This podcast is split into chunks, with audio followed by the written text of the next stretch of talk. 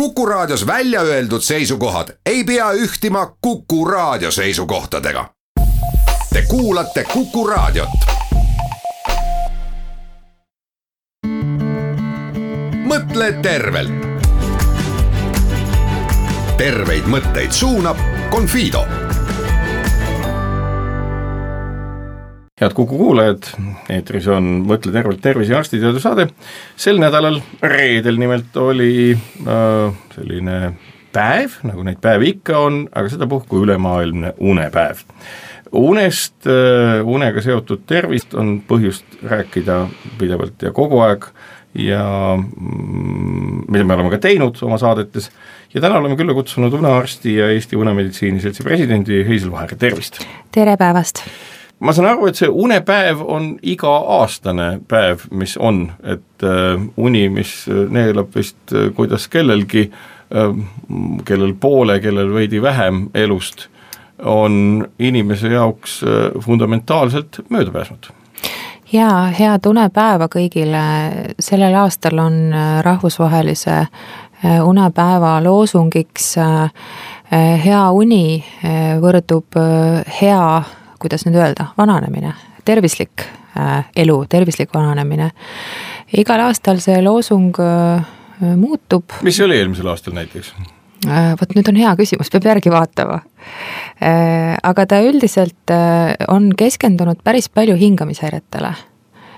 ja eelmise aasta kui me nüüd vaatame eelmise aasta eh, jooksul väga palju tähelepanu pöörati eh, ülemaailmselt eh, meie heale tuntud kellakeeramise teemale ja, ja jätkuvalt oli palju tähelepanu sellele samale hingamise küsimusele, millest me oleme ka siin saadetes päris mitmed korrad rääkinud. see kellakeeramise küsimus on ju jätkuvalt üleval, mis vist meie jaoks õnneks on lahendumas sel moel, et me kipume jääma sellesse õigesse ehk vööndiaega. no tahaks loota, just vaatasin läinud päevil üle siin pöördumised Euroopa Uneuurijate Seltsi poolt ja, ja tegelikult on üsnagi üheselt paika pandud, et kellakeeramisest loobutakse ja teadlaste poolt äh, on, on ikkagi selge veendumus, et äh, tuleks jääda siis nii-öelda vööndiajale või siis, või siis noh, nii-öelda talveajale. no kui me räägime unest, noh, und on müstifitseeritud aegade jooksul kogu aeg erinevate lugudena, kui erinev seisund, kui inimene lahkub oma kehast, noh mis kõik veel, me teame mm -hmm. neid lugusid, kes rohkem, kes vähem, oma loomuses uni on ikkagi täiesti teistsugune füsioloogiline seisund ju kui ärkvelolek. see ei ole nagu selline mõõdukas ärkvelolek, vaid aju ja kogu organism lülituvadki uneajaks täiesti teiste ülesannete täitmiseks. jah, neid äh, ülesandeid äh, müstifitseeriti ju ka väga kaua ja siin möödunud sajandi äh, esimeses pooles, kui teadlased Aserinski ja Gleitmann lõpuks siis jõudsid selleni, et me peame aju vaatama selleks, et aru saada, mis asi on uni ja, ja leiti, et, et on väga äh, spetsiifiline äh, ajulainete muster, sagedus, amplituud, mis siis iseloomustab und. ja äh, une ajal on aju metabolism ehk ainevahetus on oluliselt teine kui ärkvelolekus ja noh, kui nii populariseerivalt öelda, siis öeldakse, et äh, une ajal toimub informatsiooni korrastamine ja talletamine. ja võib-olla sellisel kujul on kõige lihtsam populariseerida magamist ka meie äh, noorte hulgas, et kui sa ei maga. nooremas põlves või Just. nooremana inimesed und ei kipu väärtustama. no ei kipu jah, et meri on põlvini ja kõik muu tundub olulisem olevat. aga aju on siis paindlikum, tuleb toime kogu selle äh,, selle virvarriga? aju on väga paindlik aju on väga paindlik, äh, plastiline, aga äh, kui nüüd äh, mõelda sellele, mida tekitab unevõlg inimesele, siis on leitud, et unevõlas olev aju hakkab tegema väga kummalisi asju. selline, selline jääkainete kuhjumine ja prügi kogunemine ajus mis tekib otsesõnu noh, nii-öelda mis siis on, valgulise Valgu, või keemilise prügi? jaa, keemilise prügi kogunemine ajus ja seda äh,, selle mitte väljaviimine äh,, seda võib tunda järgmisel päeval, kui me oleme halvasti maganud ja kui me mõtleme selle peale, kui nüüd selline äh, aju mittepuhastumine toimub pikema aja jooksul, siis sealt äh, tõenäoliselt saavad alguse erinevad äh, tauproteiinidega seotud haigused. ehk nagu et näiteks? Äh, noh, ütleme sellised haigused, äh, millele on kaua ju otsitud põhjendust, mis on ülimalt invaliidistavad ja tegelikult äh, lõpevad surmaga, nagu Alžeimeri tõbi, siis, siis äh, Alžeimeri tõve puhul neurodegeneratiivne haigus äh, on, on leitud, et äh, väga varakult tekivad muutused inimese unekäitumises. ja kui nüüd uni on pikemat aega olnud häiritud, siis, siis on ka diskussioon teemal, et mis oli siis enne, kas häiritud uni või alged Alžeimerile, tõenäoliselt siin on nagu mitmesuunaline protsess. noh, nagu organismi puhul öeldakse, juhindub. Organism ennekõike homoöstaasist ehk kõiksest tasakaalust, mis tähendab, et tegelikult ju väga vahet ei olegi, mis on ennem, mis pärast. et kui Üldiselt, enne on põhjus ja pärast tagajärg või enne tagajärjelaadne seisund, siis tekib ka see põhjus ja nii edasi, on vist nii? üldiselt küll ja, ja see viib kohe ju tegelikult järeldusele, et et mida targemad me oleme, seda targemaid otsuseid me võiksime ju teha ja unele ja puhkusele tähelepanu pööramine ja ka selle reaalne rakendamine võimaldaks ära hoida päris, päris paljusid äh, haigestumisi. Ma saan aru, et aju natukene selles kontekstis on nagu köögitehnikas kasutatav köögikombain, millel on üks mootor, aga väga erinevad, erinevad äh, nii-öelda täiturid, segab ta siis tainast või vahustab midagi või hakib liha, ehk et mootor pannakse erinevate asjade külge ja magamisega ja unega ja ajuga on sama lugu, et see, mida teeb aju ärkvelolekul, erineb sellest, mida ta teeb uneolekul. jah, aju une ajal see, mis seal täpselt toimub erinevates ajuosades, see jääb nüüd neuroteadlaste Äh, pärusmaale ja, ja sellised äh, funktsionaalsed äh, kujutlust loovad ujut-, uuringud annavad sellele parema vastuse, neid uuringuid päris palju läbi viidud ka, ka Aasia maades, Jaapanis, kus, kus vaadatakse siis, missugused ainevahetuslikud muutused ajus une ajal toimuvad ja, ja erinevad piirkonnad on aktiivsed ja eriliselt palju on tähelepanu pööratud sellise piirkonna nagu hipokampuse uurimisele, mis on siis väga palju seotud meie tunnetuse, tunnetega ja mälu korrastamisega. see on nagu kõige tüvisem ja kõige ürgsem ajuosa, kui evolutsiooni silmas pidada? jah, selline kõige sügavam kõige peidus olevam. kas see on ka põhjus, kuna hipokampus kõigil närvisüsteemiga olenditel ilmselt midagi sarnast ka muudel, kes siis selle ööpäeva rütmiga seotud on, ehk et eh, ma saangi aru, et see geneetiline ööpäeva rütm või tsirkadiaanrütm, mille avastamise eest on ka Nobeli preemia saadud, et see mõjutab põhiliselt ju kogu keha, aga ennekõike just nagu siis ma aru saan, aju käitumist mõjutab äh, tegelikult, äh, raske öelda, mis nüüd nagu olulisem on. et mõjutab ikkagi kogu keharakkude ööpäevaseid funktsioone. aga see justkui nagu avaldub kõige rohkem ja kõige selgemalt meile endale läbi aju ja läbi une, et meil on tsirkadiaanrütm, et me tunnetame seda eelkõige just ju oma ärkveloleku ja puhkuse režiimi läbi. et seda me väga ei tunneta, kui meil üks või teine hormonaalne süsteem nii-öelda äh, reguleerib ennast või midagi sellest muutub, aga une ärkvelolek on kõigile üheselt mõistetav. nüüd äh, selle aasta äh, unepäeva loosung, et hea uni viib terve vananemiseni. mis see siis sisuliselt tähendab, on see, et kui äh, inimesed oma selle, kuidas ma ütlen siis, vägisi ärkveloleku ressursi mingiks hetkeks ära kasutavad, nii-öelda mitte kaasa minnes selle loomuliku ööpäevase rütmiga ja öeldes, et milleks mulle see, või on mingid muud tegurid, mis häirivad seda, siis põhimõtteliselt nii-öelda vanemas eas äh, on aju hädas meie organismiga ja ei tule nii hästi toime selle vananemisega või kuidas sellega on? jah, äh, unepuudus, eriti kui see on krooniline, äh, avaldab, avaldab erinevat negatiivset mõju ja kõige selles mõttes kõige rohkem kahju on sellest, et ega inimene ise väga ei, ei tunneta seda, sellepärast et inimene harjub.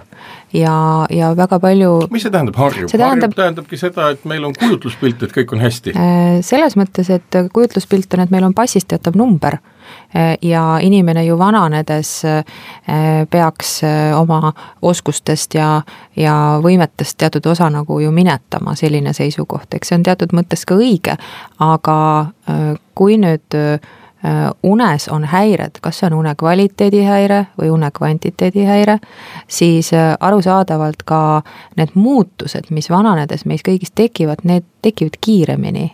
ehk et see ressurss, nagu sa ka ütlesid, see ammendub varem mõtlen selle peale, et võib-olla sa oled seda uurinud ka eraldi või on ette jäänud, aga et äh, on ju inimesed, kes on väga-väga pikaealised. Noh, kui neilt tavaliselt, äh, mida sellisel puhul ikka tehakse, kui mõni reporter küsib, et vabandage, mis on selle põhjuseks, et te nii vanaks olete elanud, noh siis tal on mingi ettekujutus, ma söön iga päev muna või mis iganes. kas see äh, või, või teeb mida iganes muud, ei joo või joob viina või suitsetab sigarit või ei suitseta, see mm -hmm. omagi nagu tähendust aga ma praeguses kontekstis mõtlen, et kas neid nii-öelda pikaealisi on küsitletud või uuritud ka selles kontekstis, et milline on näiteks olnud nende uni?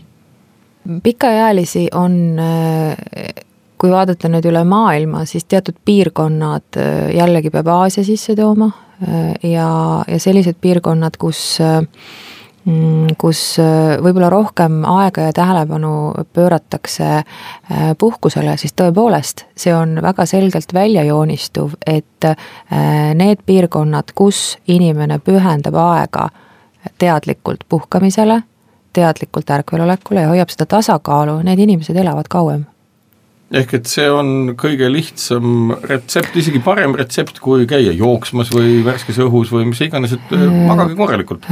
see annab teile kõige suurema pikaealisuse potentsiaali.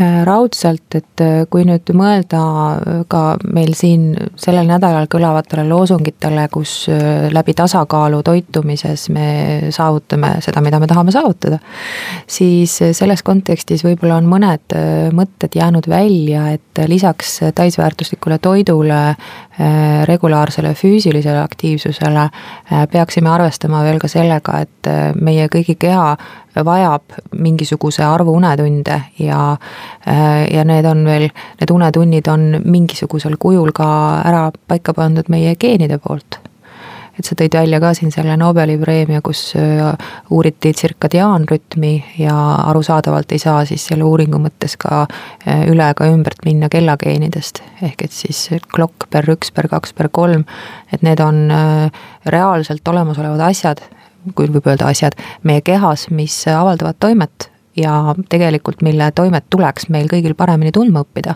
ehk et seesama unegeeni temaatika on muutumas järjest populaarsemaks.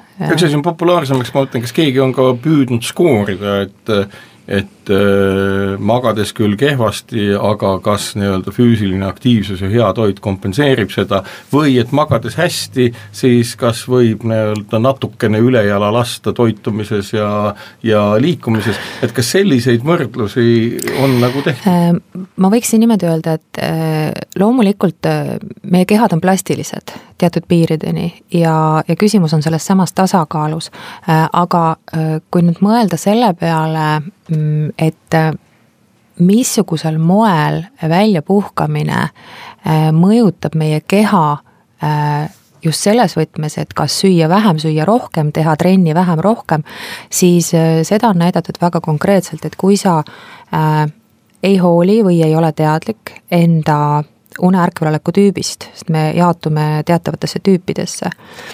ja kui sa käitud oma geneetilisele tüübile Äh, vastu, äh, ütleme, et sa ei, ei, ei arvesta sellega, siis sinu keha vajab teatud tegevusteks päeval rohkem energiat.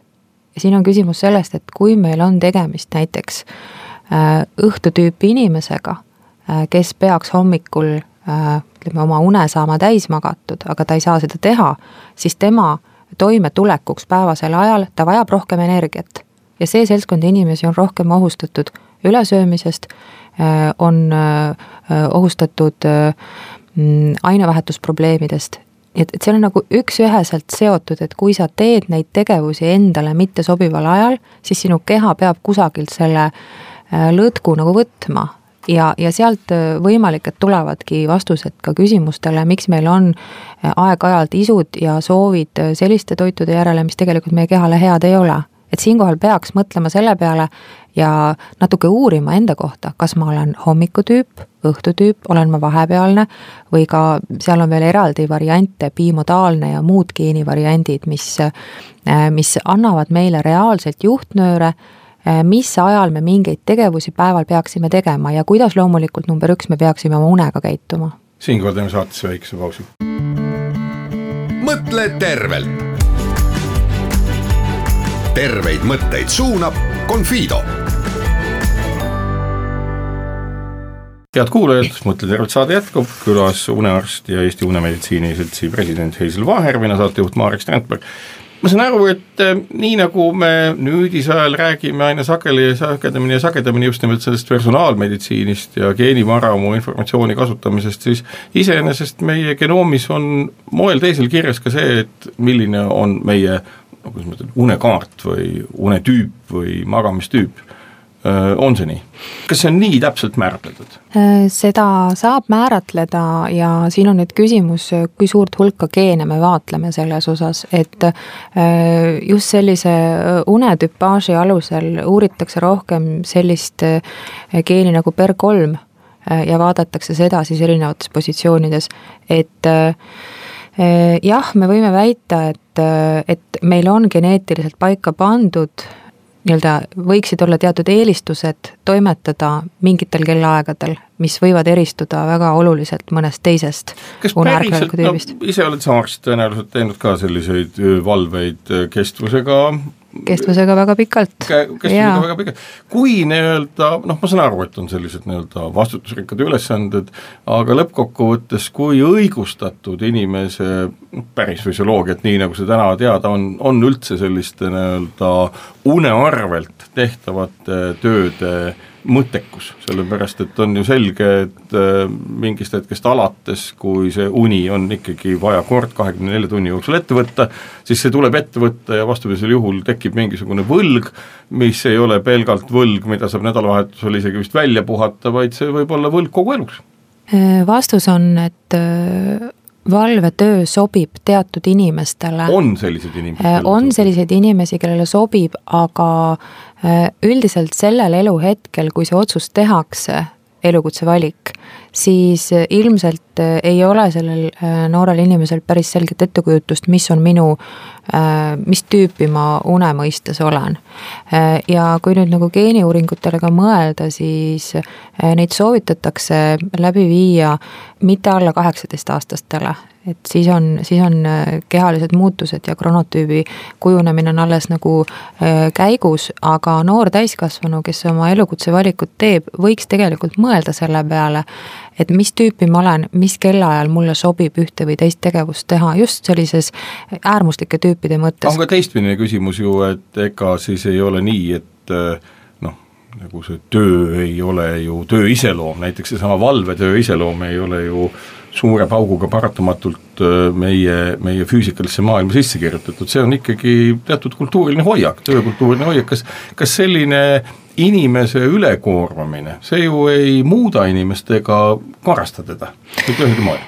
ei karasta, kuigi teatud äh, sellise uneärkveloleku rütmiga on inimene võimeline harjuma, aga tulles tagasi veel sinu eelmise küsimuse juurde, äh, tegelikult selle valvetöö sobivuse kohta, siis väga suur osa inimesi, kes teeb valvetööd, teevad seda olukorras, kus nad kahjustavad oma tervist väga tugevalt.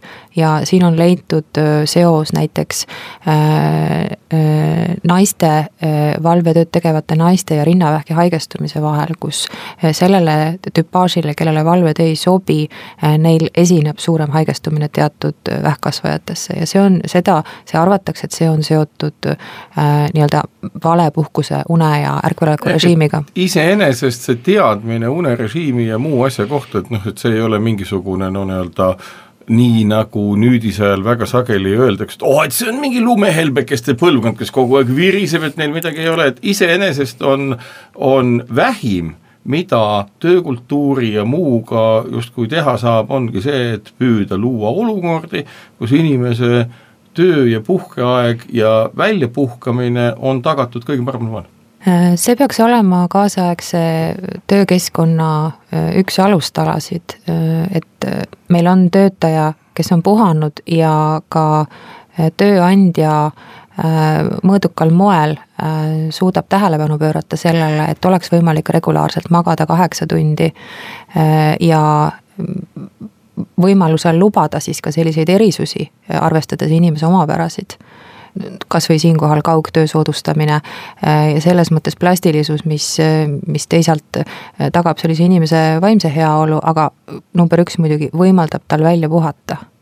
No me oleme saadetes rääkinud väga paljudest aspektidest, mis tervisehäirete kaudu mõjutavad Äh, mõjutavad inimese und ja mis ei ole seotud sellega, et noh, kas tööandja võimaldab seda või kas inimene ise läheb õigel ajal magama, lihtsalt heast unest ei tule midagi välja.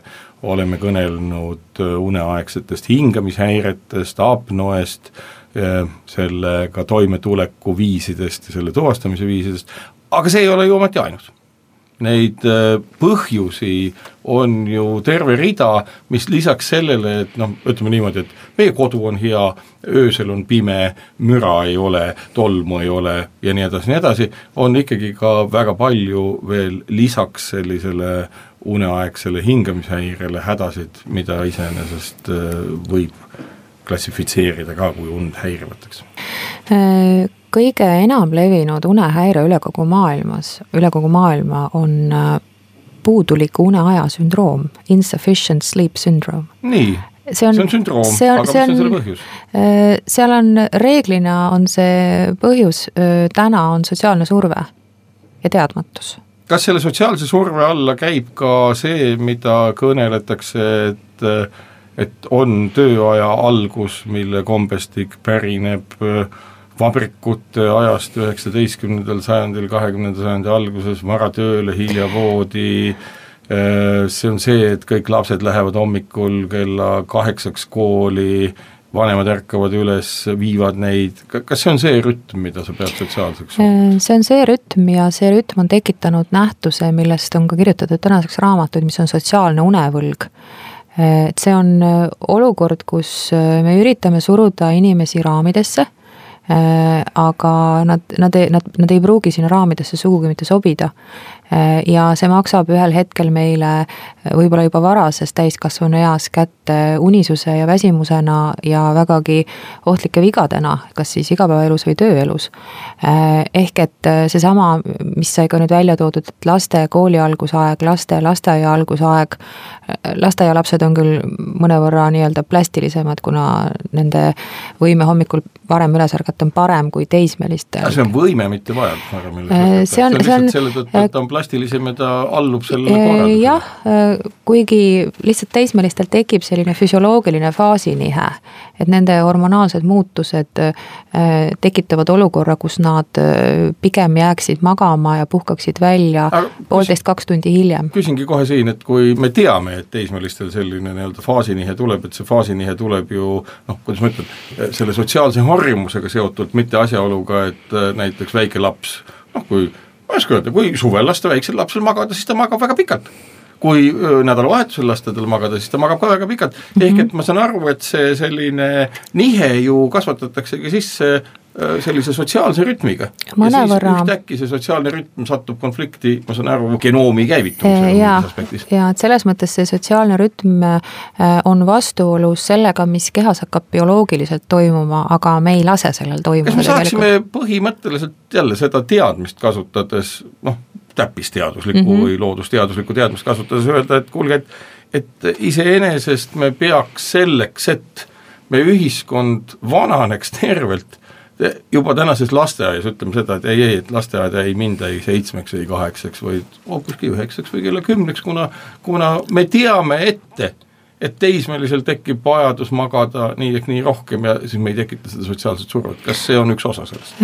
Neid uuringuid on tänaseks päris palju läbi viidud, kus eelkõige just teismeliste koolialguse aega on nihutatud näiteks seitsme viiekümne pealt kaheksa neljakümne viie peale Äh, ja märgata on, äh, mõõdetav on äh, õpitulemuste paranemine ja õpimotivatsiooni paranemine, sest esimene nüanss muuseas, mis väheneb inimese olemuses, kui ta on unepuuduses, on motivatsioon midagi teha. ehk et kui me lubame lastel, noorukitel välja puhata äh, siis nende vanusest ja sellisest hormonaalsest staatusest äh, tingitud agiteeritus, äh, soov vastanduda, see on oluliselt pehmem tõenäoliselt. Ma just mõtlen, et me ei kuulnud küll ühtegi, ühtegi sellist sisulist poliitilist loosungit, et me oleme magava Eesti poolt, aga oma olemuses on see, saan aru su jutust, kõige odavam, lihtsam viis et üldse tervest elatud aastate arvu kasvatada, kas see on ma usun, ma usun küll, et, et Aasia kultuuriruumis äh, ollakse sellele rohkem mõelnud äh, ja me võiksime sinna suunas liikuda, et äh, et me saaksime oma lastel lubada välja puhata, sest et nende unevõlg on, on meie enda tekitatud neile. ja see kultuuriruumist äh, süvenenud arusaam, äh, seesama vara üles, hilja voodi, see nii-öelda saeb sedasama oksa, kus me istume. ja, ja tegelikult need muutused, teadvustamine, et, et, et võib magada välja ja peab magama välja ja oleks soovitav üritada ka ilma äratuskellata ärgata loomulikul moel et need, need teadmised võiksid olla meile, meie lasteaialastele juba sisse kasvatatud no tänases paindlikus majanduskultuuris võiks ju ette kujutada, et inimesed ärkavadki üles siis, kui ärkavad ja hakkavad tööd tegema siis, kui nad hakkavad. ehk et nii-öelda see on pigem nii-öelda paljudel puhkudel töö digitaalse ülesehitamise ja teistsuguse töökorralduse küsimus. jaa, ja seda enam, kui meil on äh, ikkagi perspektiivis näha rohkem nii-öelda peaga tööd Äh, siis äh, ei näe nagu väga palju, on väga palju asutusi ja ettevõtteid, mis saaksid oma tööd äh, optimeerida, ratsionaliseerida läbi selle, et me lubame inimesel puhata, kõige lihtsam asi. asja veel, et kui me ütleme ka, et füüsilist kohalolekut ja tööd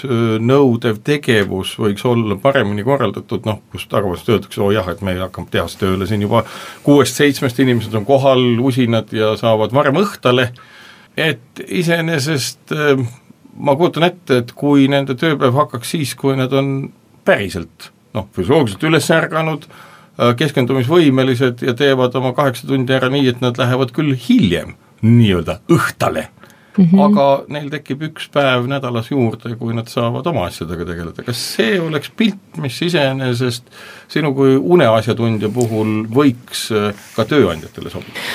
Äh, ma arvan küll, äh, ma tooksin juurde lisanüansi, et ei ole võib-olla üleüldse vajadust mõtiskleda sellel teemal, et nüüd hommikul kell kuus-seitse ei ole mitte kedagi tööl, sest meil on ju hommikutüüpi inimesed, kellel uni lähebki füsioloogiliselt varem ära, nad lähevad õhtul varem magama. ehk et selline äh, teatav oma töötaja tundma õppimine võiks olla loomupärane vajadus igale tööandjale, et ta selgitab välja, kes tema, kes tema töötajaskonnast on võimeline alustama tööd noh, kui siin nagu välja pakkuda. mõttes, et noh, kui sul no, on geneetiline ilma dopinguta teatud toiminguid teha, siis äh, sa oledki sportlasena ka edukas äh,. jah, et see, see on selline oma enda keha jõustamine ja, ja seda võiks, võiks, võiks töö mõttes vägagi ära kasutada. siinkohal teeme saatesse väikse pausi. mõtle tervelt. terveid mõtteid suunab Confido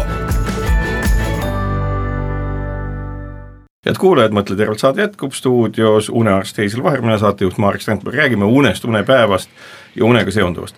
nüüd äh, äh, üks asi on nii-öelda see sotsiaalne pool, mille korraldamine on ju ka inimeste tahte, reeglite ja seaduste mõttes võimalik, noh, aga on ka väga palju selliseid noh, kuidas ma ütlen, asjaolu tõttu, et me oleme geneetiliselt ebatäiuslikuks kujunenud oma hambumuse ja muude niisuguste anatoomiliste ja füsioloogiliste ise omapärade tõttu, kui palju need mõjutavad tänasel hetkel äh, inimese head und?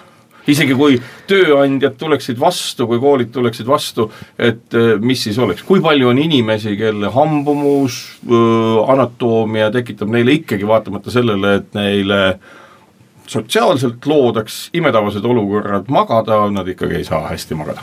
see on äh, päris hea teemaasetus, äh, mis siis äh, hõlmab endas küsimust une kvantiteedi kohta, me võime selle ju tagada, et saab piisavalt magada.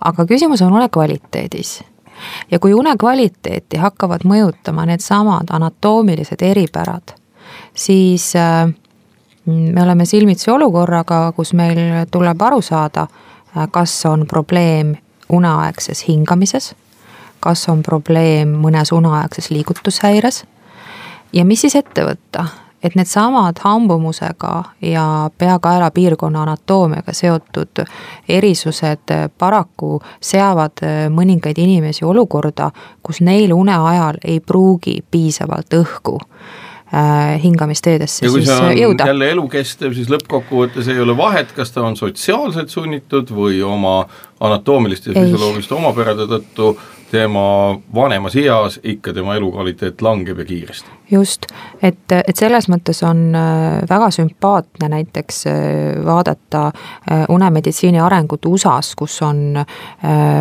kus on selline nähtus nagu dental sleep lab ehk siis hambaravikeskuse juurde on integreeritud unekeskus ja seega, seda väga lihtsal põhjusel, äh, kuna seesama äranimetatud lõualuude paiknemise häire või hambumuse häire, äh, osad inimesed äh, paneb olukorda, kus nende hingamistee öösel ei taha lahti püsida.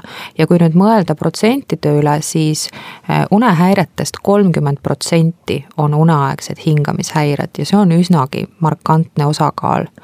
kui palju nendest tuleneb siis nii-öelda lõualuude anatoomiast või need kõik ongi sellega seotud? kõik ei ole äh, selline see, see on hea küsimus, et mis siis see uneaegne hingamishäire on, mis need komponendid on? mis on ja. uneaegne hingamishäire, et siis saab kuulaja ka aru, millest on jutt? uneaegse hingamishäire käsitlusel me alustame reeglina küsimusest, kuidas hingab teie nina, kas te hingate nina kaudu või on tulnud ette olukordi või oletegi suu kaudu hingaja? inimene tavaliselt ei tea seda, ta ütleb, et ta magab sel ajal. aga see on küsimus ka päevasesse aega et kui on nina hingamine takistatud päevasel ajal, siis võib eeldada, võib arvata, et see nina hingamine häirib teda ka öösel, aga loomulikult meil on objektiviseerimise võimalused. me saame mõõta une ajal, uneuuringu varal seda, mismoodi inimene on võimeline nina kaudu hingama ja kas seal on mingisuguseid takistusi. Ja siinkohal muidugi äh, kõrva-nina-kurguarst äh, saab äh, vaatluse teel või endoskoopiliselt hinnata ülemisi hingamisteid ninaõõnest kuni siis kõrini, kas on mingisuguseid anatoomilisi takistusi. Nüüd üks küsimus on hingamistee limaskest, selle turse. teine küsimus on, mismoodi paiknevad patsiendi lõualuud kas on hambumuse häireid, ehk siin tuleb siis äh, mängu äh, see hambaarsti roll, äh, kes aitab aru saada, kas patsiendil on üla- ja alalõualuu vahel või nende suhtes mingisugust eripära, mistõttu une ajal alalõug kipub vajuma tahapoole ja hingamistee ei ole avatud. ja tekivad olukorrad, kus öösel hingamine võib peatuda sekunditest kuni minutiteni Äh, ja kaasnevad äh, hapnikusisalduse langused kehas, mis on potentsiaalselt ohtlikud kuna nad siis äh, ohustavad nii-öelda kogu keha selle hapnikunäljaga, meil on äh, püsiv hapnikukriis kehas, ei saa süda piisavalt hapnikku, ei saa aju ja see juba arusaadavalt vallandab sellise sündmuste kaskaadi kehas. Äh, kuni siis, äh, kuni siis sellise hingamise käima tõmbamiseni, kui kogu keha on stresshormoonide, noh näiteks adrenaliin vallas ja, ja siis see on paraku ohuks erinevatele muudele haigustele et uneaegseid hingamishäireid seostatakse väga tugevalt ülekaaluga, ainevahetushäiretega, veresuhkru ainevahetuse probleemidega. kas ka selles kontekstis, et see hingamishäire võib olla primaarne ja sellega kaasneb siis ainevahetushäire, mis viib ülekaalulisusele ja nii edasi? mõlemat pidi, mõlemat pidi, mõlemat pidi et tegelikult meil on, kui me võtame sellise haiguse nagu näiteks teise tüübi diabeet, äh, siis teise tüübi diabeedi haigeid äh, soovitatakse uurida uneapnoe suhtes ja uneapnoe haigeid soovitatakse uurida siis suhkruainevahetushäirete suhtes. mida see inimesele tähendab, kui tõepoolest tema anatoomia, lõualuude anatoomia, hambumus ja nii edasi, nii edasi, mis ei ole ju ka paljuski tema enda teha, vaid tuleb kaasa sellest paketist, kus me sünnime nii õnnelikena või õnnetutena, kui see juhtub. mida sellega üldse peale saab hakata? Äh, sellega on seda, et mm -hmm. tuleb nii-öelda totaalselt lõualuud ümber konstrueerida, mida ma saan ka, on võimalik teha, või on seal mingeid pehmemaid meetmeid võimalik rakendada? Äh, kui nüüd alustada algusest, siis me võiksimegi mõtiskleda lapse ea peale ja võimalikult vara märgata lapse hingamismustrit, ninakaudne, suukaudne. Äh, aga kui me oleme nüüd jõudnud täiskasvanu ikka ja esinevad hingamishäired, siis siin on erinevad ravivõimalused. Äh, ja üks laialt levinud, võib-olla kõigega esimesena edu toonud ravimeetod uneaegsete hingamisjärjete ravis on meil ka palju tutvustamist leidnud positiivse õhurõhu ravi. Äh, aga siia kõrvale on nüüd äh, tekkinud ravimeetod, mille puhul äh, me asetame ülemise ja alumise hammaskaare vahele sellise kape ehk siis suusisese apnoe raviklambri. See üks on sul siin kaasas, ma võin enam-vähem kirjeldada, see kujutab endast nii-öelda mingit plastikranti, mis istub nii ülemise kui alumise hammaskaare külge ja selle vahel on siis selline liigend mis võimaldab inimesel, kui ma nüüd vaatan seda, siis suud avada, aga kui suu on kinni, siis ei võimalda see konstruktsioon tõepoolest alalõual üla lõualuust tahapoole vajuda. Kas ma kirjeldasin õigesti seda mehaanikat? väga täpselt ja mõte on siis selles, et kui meil on alalõug toodud ettepoole ja reeglina tuuakse siis sellest protrusiooni määrast ehk siis alalõua ettepoole toomise võimest kuuskümmend kuni kaheksakümmend protsenti tuuakse ettepoole, siin peab arvestama ka liigesega, peab arvestama ka noh, sellise kindlasti ka hambumusega ja sellisel juhul see mehhanism on selles, et me ei luba, ei lase keelel tagasi langeda neelu ja keel on suur lihaseline organ, äh, kuhu mm, teatud põhjustel ka kipub kuhjuma rasvkudet. Äh, ja sellisel juhul see keelemass, mis on nii suur, äh, vajub taha une ajal ja ei, ei lase normaalselt meil une ajal hingata, nii et see on üks selline raviseade, mida me soovitame number üks norskajatele, kes häirivad oma enda või pereliikmete und. number kaks kindlasti kerge ja keskmise raskusastmega uneapnoe puhul, äh, kui siis äh, piisab sellest seadmest, et uneaegsed hingamisprobleemid ära hoida. no ma küsin kohe, et kui nüüd äh, jutt on muuhulgas ka sellest, eks ole, et me teame, et tänasel hetkel Eesti liiklusseadustik eeldab seda, et kui ikka, ikka mütsi ümbermõõt ja, ja särgi ümbermõõt on lähedased oma äh, arvulises mm -hmm. väärtuses, et siis tuleb uneuuring teha, vastupidisel juhul öeldakse, et te olete autojuhtimisriskiga inimene, siis kui sagedastel puhkudel nii-öelda on vaja kasutada seda ülerõhuaparaati ja kui sagedastel juhtudel võiks piisata nii-öelda nendesamade äh, küllaltki tagasihoidliku väljanägemisega, aga efektiivsete nii-öelda kapede või siis liigendiga hambaklambrite kasutamisest siin on küsimus äh, patsiendi individuaalses, äh, kõigepealt äh, tema haiguse eripäras, mis tüüpi see hingamishäire on ja seda me selgitame tõepoolest uneuuringuga välja, aga seda peale vaadates ei oska keegi öelda, et aa, et te lähete nagu sellesse kategooriasse, te teise? me võime ennustada, teatud juhul läheb ka täppi, aga üldiselt ei tahaks tervise puhul ennustamisega tegeleda, vaid tahaks patsiendile öelda, tema hingamishäire raskusastme ikkagi numbriliselt välja ja mõõta ka edaspidi selle hingamishäire raskusastme vähenemist ravi tulemusena need raviseadmed, mis käivad suhu, need kaped, nad on efektiivsed päevase unisuse vähendamisel. nüüd millisele patsiendile see sobib, see sõltub ka patsiendi enda motivatsioonist ja soovidest ravi osas. tänaseks on kriitiline kogus teadusuuringuid avaldatud teemal, et kape on alternatiiv, efektiivne alternatiiv CPAP ravile ehk siis ülerõhuravile. ehk siis ülerõhuravile, positiivse õhurõhuravile. Äh, ja siin on küsimus selles, et äh, CPAP ravi puhul äh, kipub ravisoostumus aastatega kahjuks vähenema ja tegemist on ühiskonnale suhteliselt kalli ravimeetodiga. ja see seltskond patsiente, kes ei suuda, ei taha CPAP äh, kasutada, nende puhul me peaksime arutama ka alternatiivseid ravivõimalusi.